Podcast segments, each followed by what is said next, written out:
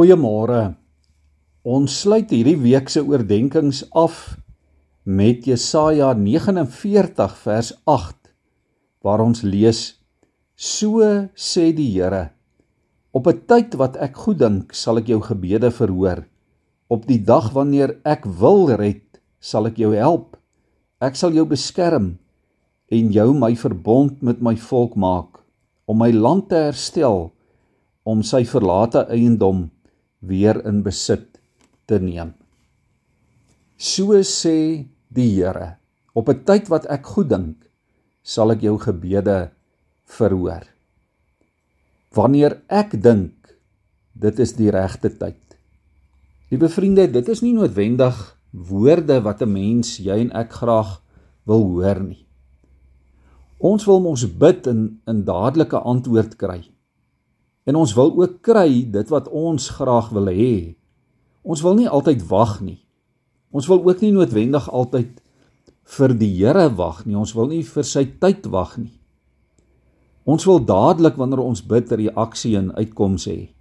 Anders sê ons mos ons bid teen die plafon vas of ons wonder wat het ons verkeerd gedoen of dat ons dalk nie op die regte manier gebid het nie of nog erger ons dink baie keer dat die Here ons nie hoor nie of dat hy dalk nie bestaan nie dat gebed nie werk nie dat dit nie effektief is nie.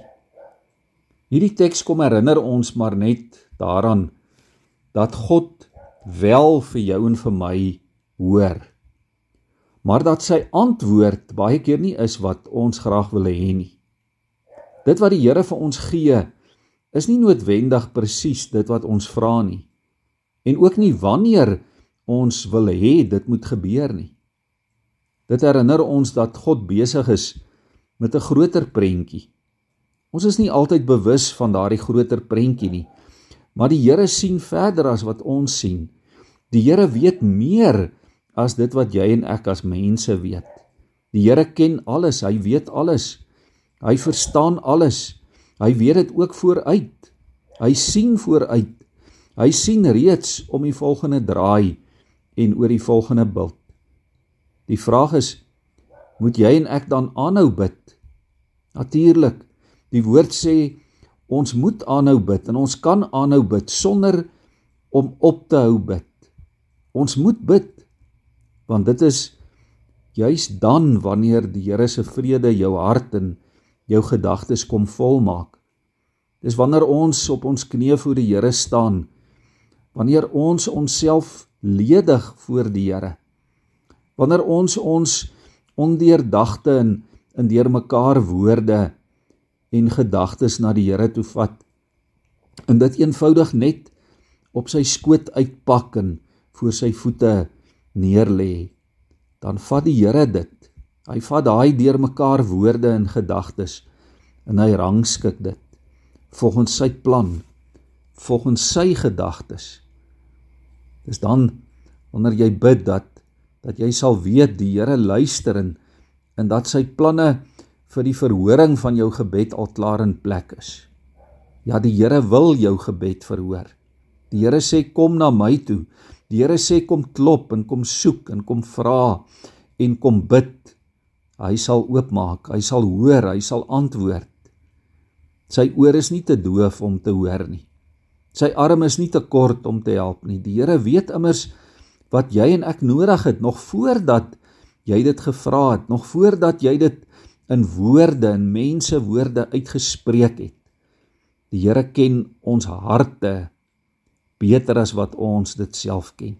Die Here ken ons gedagtes nog voordat ons dit gedink het. Hy wat elke ou haartjie op ons kop getel het. Hy weet alles.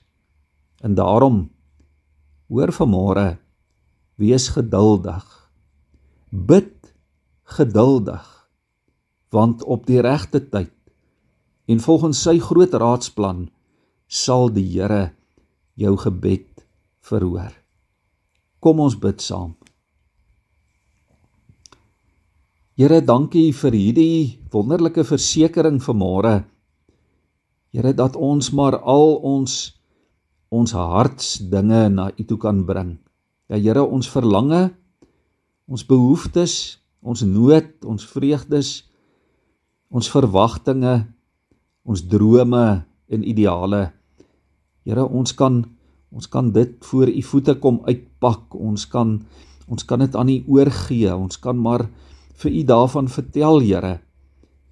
Al voel dit vir ons terwyl ons besig is om om te bid dat ons woorde so nie agter mekaar wil inpas nie.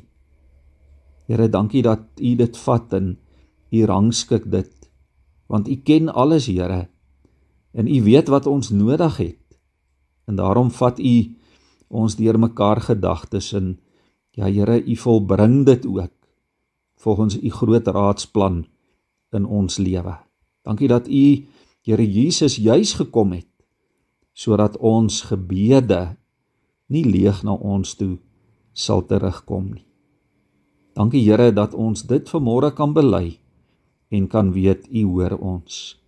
Amen.